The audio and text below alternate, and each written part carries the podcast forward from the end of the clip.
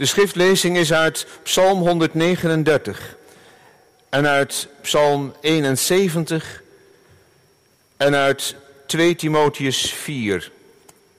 Allereerst lezen wij een gedeelte uit Psalm 139. Dat is eigenlijk een beetje raar natuurlijk als je een stukje uit de psalm knipt.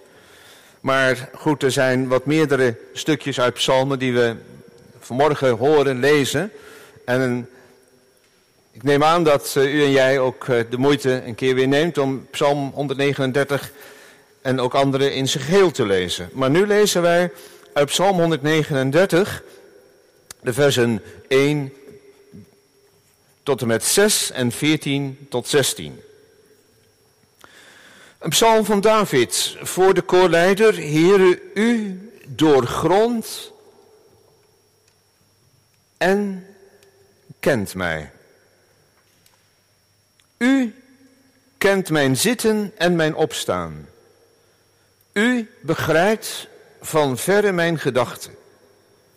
U onderzoekt mijn gaan en mijn liggen. U bent met al mijn wegen vertrouwd.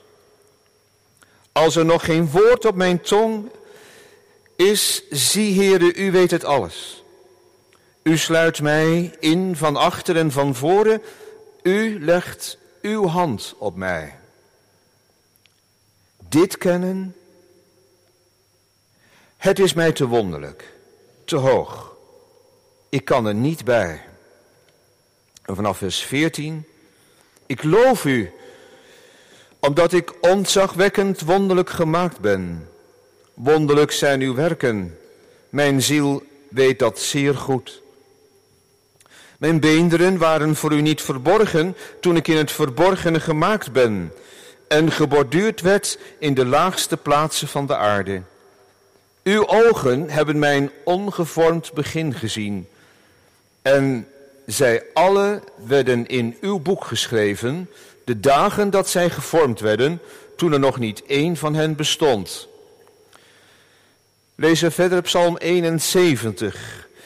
En dat ik dat nu in deze volgorde doe, dat zal hopelijk duidelijk worden straks uh, tijdens de preek. De verkondiging. Psalm 71, de versen 1 tot en met 9. En dan lezen we verder in Psalm 71 vanaf vers 17 tot 23. Tot u, Heere, heb ik de toevlucht genomen. Laat mij niet voor eeuwig beschaamd worden. Red mij door uw gerechtigheid en bevrijd mij.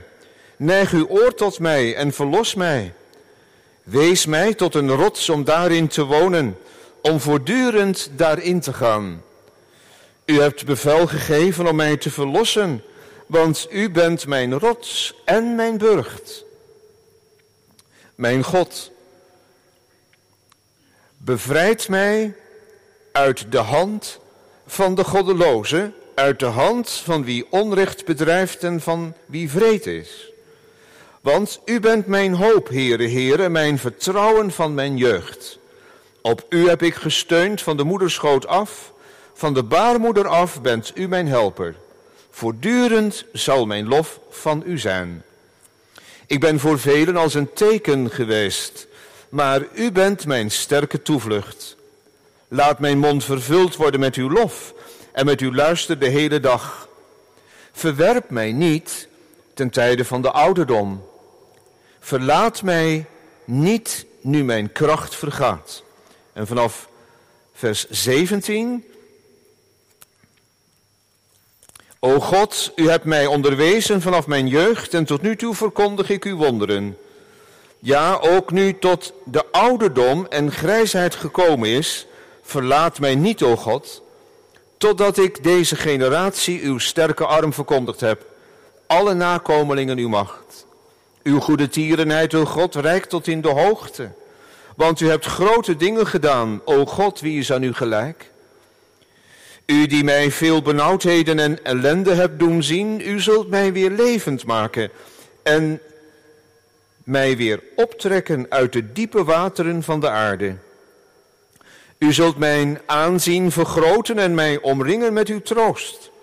Ook ik zal u loven met de luid en op uw trouw wijzen en uw trouw prijzen, mijn God. Ik zal voor u psalmen zingen met de harp, heilige van Israël.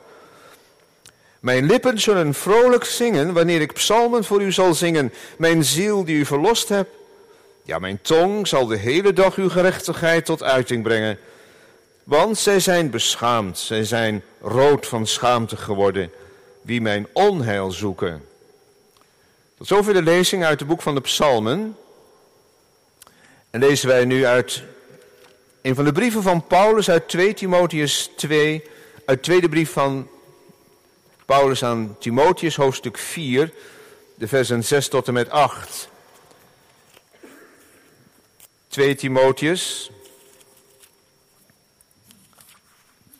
En daarvan hoofdstuk 4. En dan lezen wij de versen 6 tot en met 8. Ik word immers reeds als een plengoffer uitgegoten en het tijdstip van mijn heengaan is aanstaande. Ik heb de goede strijd gestreden. Ik heb de loop tot een einde gebracht. Ik heb het geloof behouden.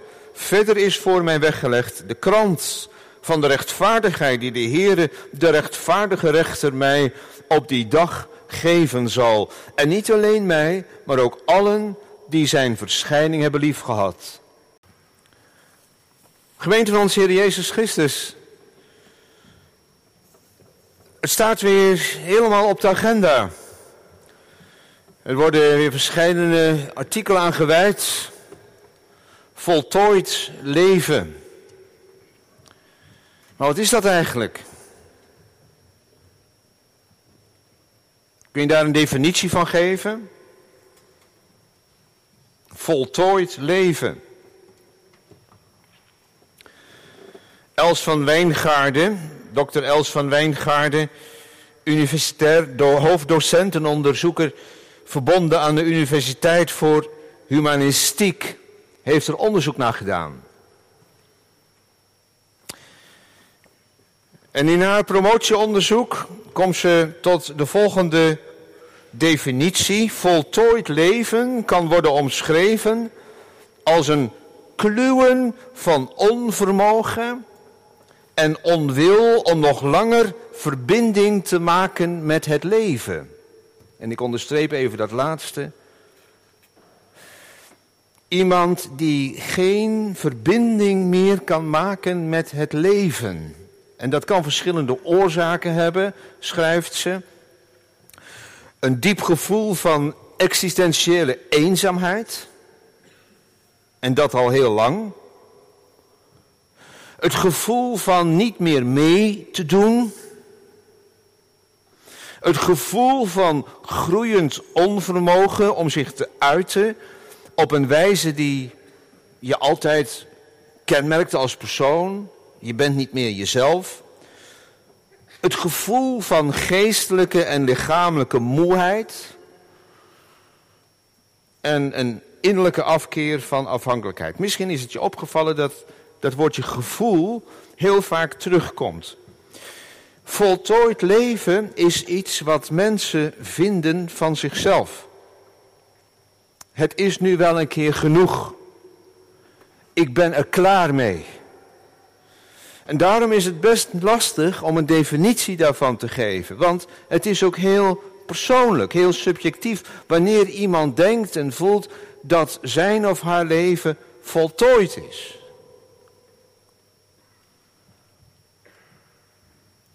Meneer, het hoeft voor mij niet langer. Die zegt,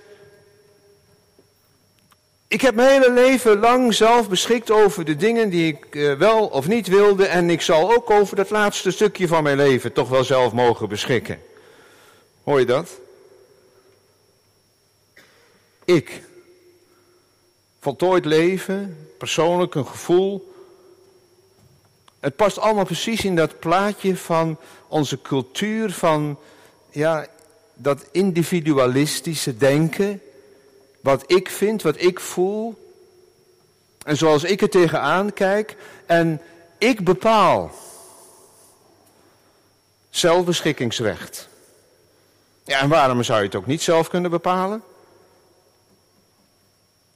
Er is een onderzoek gedaan dat ongeveer zo'n 9 miljoen Nederlanders in diezelfde richting denken. Je bepaalt het uiteindelijk toch zelf. En wie is die ander dat hij zich met jouw keuze kan bemoeien? Jij bepaalt het. Wanneer jij denkt dat, nou ja. Ja, en dan die uh, commissie, co sorry, die coöperatie van de laatste wil.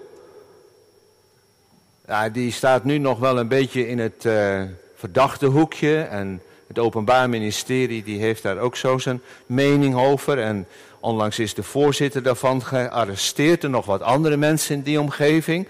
Want het zou dan toch in de sfeer liggen van wetsovertreding, van criminaliteit. Als je iemand helpt bij zelfdoding. Maar dat is ook nog maar een storm in een glas water. Want dat kan ook nog weer overwaaien. Dat we op een gegeven moment z'n allen toch maar één richting uitdenken. Dat je het zelf bepaalt. Zoals je heel andere dingen ook allemaal jezelf bepaalt in je leven. Zelfbeschikkingsrecht. En dan zou je een beetje onbarmhartig zijn wanneer je daar iets anders van vindt. Ja. Mag God ook meedoen in dat uh, hele gebeuren, dat, dat maatschappelijke, die maatschappelijke discussie zo gezegd? Ja, we zitten hier in de kerk vanmorgen om te luisteren naar woorden van God. En zijn er ook woorden van God die hier iets van betekenis zijn, die er relevant voor zijn? Van hoe staan wij daarin? Hoe verhouden wij ons daarmee? En moeten wij ons daarmee verhouden als christenen? Psalm 139 geeft een aanzet, zou je kunnen zeggen. Een denkrichting. Heel bijzonder is wat hier staat, dat de dichter van Psalm 139, en David wordt hier genoemd, beleidt dat zijn leven vanaf het allereerste begin een weefsel, een weefwerk is van God. En dan zegt gelijk al iets over wie heeft er nou over mijn leven iets te zeggen? Ja, in eerste plaats degene die mij heeft gemaakt, de schepper. Een borduurwerk, misschien niet helemaal een goede vertaling, maar wel een, een, een kunstig weefwerk van God. Dat ben ik. En dat zegt hij, ik loof u omdat ik onzagwekkend wonderlijk gemaakt ben. Wonderlijk zijn uw werken. En dan even verder. Toen ik in het verborgene gemaakt ben en geborduurd werd in de laagste plaatsen van de aarde. En dat is dan ook weer een beeld van de moederschoot. Uw ogen hebben mijn ongevormd begin gezien en zij alle werden in uw boek geschreven. Nou, dat kan ook zomaar best ingewikkeld zijn. Als je dit leest en je betrekt het op je eigen leven, hoe je naar jezelf kijkt, wat je bij jezelf ziet. En als je voor de spiegel staat of als er iets anders is waar je het moeilijk mee hebt. En dat kan ook heel erg moeilijk zijn. Denk aan mensen met een beperking en welke beperking dat ook is. Een lichamelijke beperking, een verstandelijke beperking. Hoezo? Een kunstig weefwerk van God. Als je te maken hebt met een ernstige beperking, handicap, is niet het goede woord, maar je begrijpt wat ik bedoel. Wat, wat kan dat moeilijk zijn en wat, wat is dat moeilijk? Om dat dan zo één op één mee te zeggen, mee te beleiden? Bijzondere van deze psalm, van psalm 139, is dat het niet af is. Op een of andere manier wordt hier iets gezegd over Gods begin, dat Hij ons gemaakt heeft en dat wij zijn zoals we zijn en eruit zien zoals we eruit zien. maar dat dat werk van God doorgaat. En dat is in het bijzonder het geval wanneer wij dat vergelijken met andere Bijbelgedeelten. Dat niet alleen God iets te maken heeft met het begin van ons leven, maar ook met de verdere ontwikkeling van ons leven. De ontwikkeling van ons leven van de embryo, baby, peuter, kind, puber, volwassenen, jongvolwassenen, ouderen. En door de hele Bijbel heen zie je dat er aandacht is voor al die fasen van het leven. Voor het kind zijn, denk aan de woorden van de Heer Jezus, hoe hij ook de kinderen vaak aandacht schonk. Denk aan het boek Spreuken, waar het gaat over de jonge mensen en, en hoe, welke keuzes je maakt. En denk ook aan het boek Hooglied, als het gaat over seksualiteit, over de waardering van ons lichaam. En dan Psalm 71 over de oudere mens. Met andere woorden, heel het leven vanaf het begin van de conceptie tot en met het alleroudste ja, mens of de alleroudste uh, die, die er voor God mag zijn, dat je toch al die fasen van het leven mag zien in relatie met God. Hij is er steeds bij en hij gaat ook steeds mee. Een borduurwerk zou je kunnen zeggen dat niet af is. Waar niet een strik omheen zit. Of een, een lijstje omheen zit. Niet statisch. Maar steeds verder in die ontwikkeling van je leven en van je lichaam. En dat overkoepelend dan deze woorden gelden voor ons allemaal, dat ons lichaam, jong, oud, tempel is van de Heilige Geest. En dat zegt al iets over hoe ver gaat dat zelfbeschikkingsrecht. En hoe ver hebben wij, in hoeverre wij zelf de dingen in onze hand. Ja, ik spreek ook met mijn vrouw vakantie af, bij wijze van spreken als voorbeeld. We gaan daar of daarheen. Daar heb je ook iets wat je zelf bepaalt. Maar waar ligt er de grens? Nou, laat ik vooropstellen dat er situaties in het leven zijn die ontzettend ingewikkeld zijn en waar je niet zomaar één op één daar een antwoord op kunt geven. En dat is ook als je in het pastoraat bezig bent en met allerlei gezinsproblematiek en allerlei andere problematiek die je tegenkomt, dat je nooit zomaar zwart-wit kunt zeggen, ja maar zit dit en dan is het dat. Maar dat je altijd zoekend en biddend bezig bent. Ook als het gaat over geaardheid van mensen en hoe voelen ze zichzelf in hun eigen lichaam zoekend, biddend bezig bent van waar sta je voor God en wie is God in jouw leven en hoe komen wij ook duidelijk richting van God, hoe krijgen wij die richting van God om te weten wat Hij wil van ons en hoe wij met ons lichaam en ons leven omgaan. Dat vooropgesteld.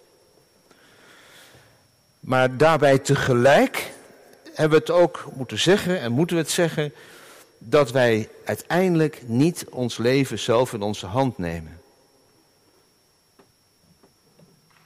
En als hier iemand is die daarmee worstelt, er is straks een gebedsteam, of met iets anders worstelt, met zijn lichaam of met haar lichaam, of met geaardheid, voeg je ook bij deze mensen om samen te bidden, wat is uw weg, heren, en hoe moet ik verder?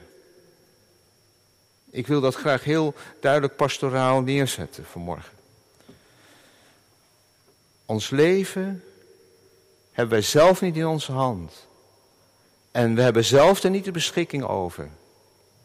En tegelijk zoeken wij ook Gods weg en Gods wil. Om om te gaan met beperkingen, om te gaan met onze geaardheid, om te gaan met alles wat er in ons leven gebeurt van blijvende waarde. Als borduursel van God. Ja. Dat is één. Maar nu Psalm 71. En dan focussen even op de oudere mens. Een van onze broeders die vanmorgen bevestigd wordt, u, broeder van de Valk, gaat ook heel ver ook in pastoraat en heeft heel veel te maken met de oudere mens. Wat mogen we zeggen vanmorgen over die oudere mens? In Psalm 71 wordt dat op een hele bijzondere wijze vertolkt. En die psalmdichter van Psalm 71, die heeft op een of andere wijze moeilijk, omdat er allerlei situaties zijn in zijn leven waaronder hij lijdt. Ja, lijden aan het leven, over lijden aan het leven gesproken. Hij lijdt ook aan het leven, er zijn vijanden. En hij heeft het op allerlei manieren heeft hij het zwaar. En dan zegt hij daar in die situatie, wanneer hij lijdt, zo gezegd, aan het leven, wees mij tot een rots om daarin te wonen. Mijn God bevrijdt mij uit de hand van de goddeloze, uit de hand van wie onrecht bedrijft. En dan eens die verbinding met Psalm 139.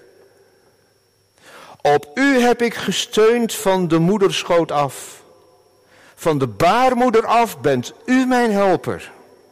Psalm 131 is nog voor de baarmoeder. En hier zegt hij: Van de baarmoeder af bent u mijn helper. Voortdurend zal mijn lof voor u zijn. Dat is een beleidenis.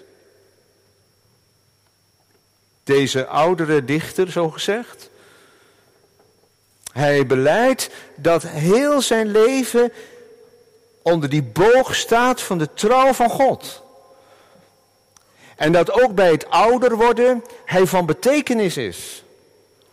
En dan bidt hij, verwerp mij niet ten tijde van de ouderdom. Verlaat mij niet nu mijn kracht vergaat. Verlaat mij niet nu mijn kracht vergaat. Is dat niet iets wat ons richting wijst? Als je kracht vergaat bij het ouder worden. Verlaat mij niet en waarom niet? Wat is de drijf, zo gezegd? Wat is wat hem tot dit gebed drijft? Dat is dat hij er naar uitziet, dat hij er naar verlangt om aan de volgende generatie iets door te geven van God.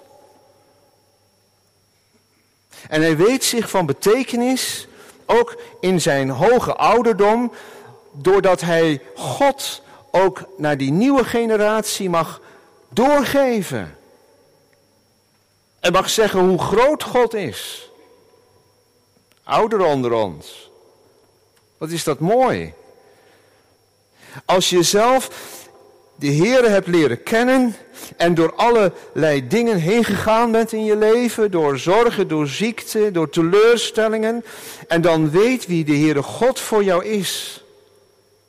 En dat weer doorgeeft aan anderen, aan, zeg maar, aan onze millennials, aan, aan onze jonge mensen die worstelen met welke keuze moet ik nou maken en waar sta ik in dit leven. En we hebben ouderen nodig, jonge mensen hebben ouderen nodig, onze jongeren van tussen de 30 en tussen de 40 en tussen de 40 en de 50 hebben ouderen nodig om iets van God te leren. En u ouderen mag er zijn om ook dat door te geven aan de jongere generatie. Hij zegt het hier, totdat ik deze generatie uw sterke arm verkondigd heb, alle nakomelingen uw macht. Van blijvende waarde als borduurwerk van God, wat dan ook soms moeilijk kan zijn om dat ook bij jezelf te vinden, maar waar je toch in gelooft. Ik ben door God gemaakt, hoe ik er ook uitzie en wie ik ook ben, van welke geaardheid ook. Dat is één, maar ook als inspirator voor de nieuwe generatie. Hebben wij mensen onder ons? Ja, nee, dat is niet de goede vraag. Die hebben wij onder ons, want ik heb ook getuigenissen gelezen. En dat uh, komt ook op andere manieren naar voren. En ook op bezoekwerk, en dat zult u ook op bezoekwerk ervaren, dat er mensen zijn die uit zo'n liefde tot God spreken, vanuit de bevinding spreken, vanuit de beleving spreken, wat zij met God hebben doorgemaakt, om dat ook weer door te geven aan anderen. En daar kun je heel blij van worden. En het is triest als je, ja, als je dat niet merkt, dat ouderen eigenlijk alleen maar ja, ja, zitten maar te wachten op het einde. Ja, ja, dat kan. Dat kan, door allerlei oorzaken, eenzaamheid en verdriet. En dan ben ik er blij mee dat, uh, dat er dan gelukkig ook uh, een politieke richting is die uh, aangeeft dat we juist voor die ouderen er zullen zijn. En dat we juist met die ouderen optrekken en, en laten zien dat hun leven wel van betekenis is. En zelfs de demente moeder, zelfs de demente vader, zelfs iemand die dus zelf niet meer bewust is van het leven, is en blijft van waarde voor God. Zeker weten. Want het hangt ook niet van ons af wat wij doen als ouderen, maar dat wij er voor God mogen zijn van waarde. De dichter van Psalm 71 wordt er zelfs vrolijk van als hij daaraan denkt. Hij wordt er lyrisch van, hij gaat ervan zingen en hij, hij neemt er instrumenten bij. En ik zal voor u psalmen zingen met de harp.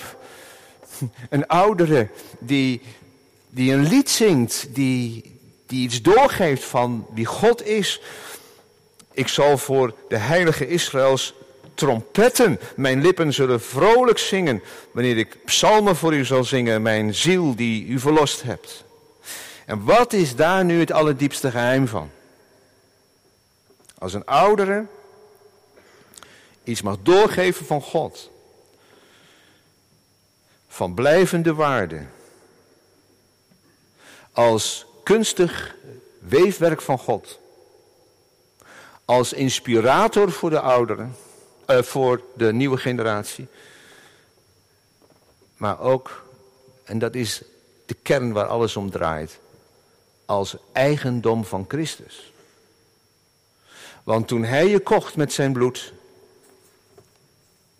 heeft hij er alles bij genomen. Naar lichaam en ziel, je hele lichaam, ook dat ouder wordende lichaam, ook dat gerimpelde lichaam, ook dat lichaam dat niet meer vooruit kan, hij heeft je gekocht met zijn bloed. En daarom van waarde dat u met lichaam en ziel het eigendom bent van Jezus Christus. Dat lichaam ook met alle lek en gebrek van buiten en van binnen. Dat lichaam dat ook die ontluistering doormaakt. En dat kan ook op een jonge leeftijd, als als een ernstig ziekte zich aandient, hoe, hoe dat lichaam zich dan kan veranderen. Maar ook dat heeft hij meegenomen. En ook dat lichaam heeft hij gekocht. En van dat lichaam dat het zo moeilijk kreeg en zo moeilijk heeft, heeft hij gezegd, je bent van mij. En je blijft van mij.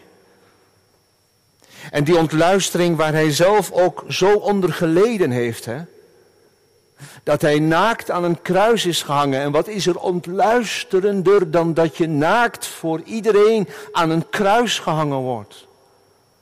En dat heeft hij doorgemaakt. Als er één geleden heeft aan het leven, dan is hij het.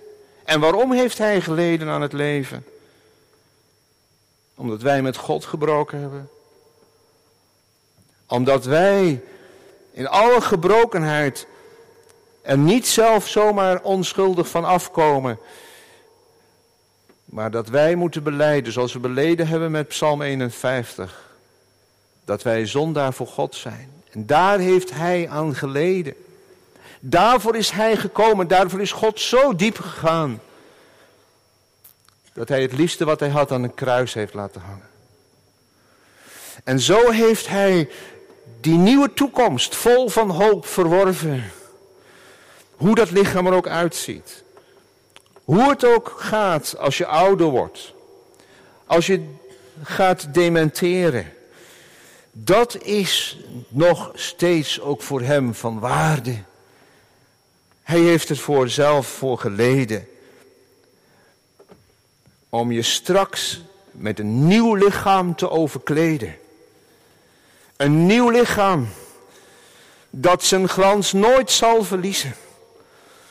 Een nieuw lichaam dat straks zal opgewekt worden tot heerlijkheid. Nog even wachten, nog een klein stukje te gaan Voltooid leven? Nee, dat bepalen wij niet. Dat bepaalt Hij. Zoals Paulus dat heeft geschreven in 2 Timotheus. Ik heb de goede strijd gestreden. Ik heb de loop tot het einde gebracht. Ik heb het geloof behouden. En nu is mij die kroon weggelegd, die toekomst. En Paulus heeft dat niet naar voren gehaald. Hij heeft gewacht op Gods tijd. Tot, het, tot hij zei, het is voltooid. Voltooid leven naar een leven in volle tooi. Dat is het leven dat hij belooft aan die hem kennen. En daarom een appel op ons aller hart. Of je jong bent, kind, oud. Ken je de Heer Jezus? Ja, ja, ja, ja, ja, ja, die ken ik. Oh ja? Maar ken je hem zo? Dat je weet, hij is ook voor mij gestorven. Persoonlijk. Want buiten hem is geen leven. Dan kun je van alles vinden, alles denken en allerlei theorieën ophangen. Maar dan is er een eeuwige dood, een eeuwig sterven.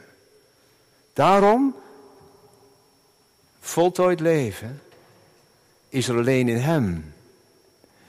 Om te komen tot het leven in de volle tooi.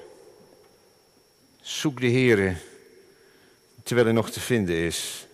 En roept hem aan terwijl hij nabij is. Echt, het komt erop aan dat wij het eigendom van Christus zijn. Dan mogen we weten, geborgen voor altijd. Geborgen voor eeuwig. En gaat er ook iets van ons uit? Oud ook. En misschien slechte been naar die nieuwe generatie. Zo mag je ook ouderling zijn. Om mensen ook mee te nemen in dat verhaal van Gods genade. In dat verhaal zeg ik, nou het is veel meer. Het is die bediening van de verzoening. En mensen betekenis te mogen geven.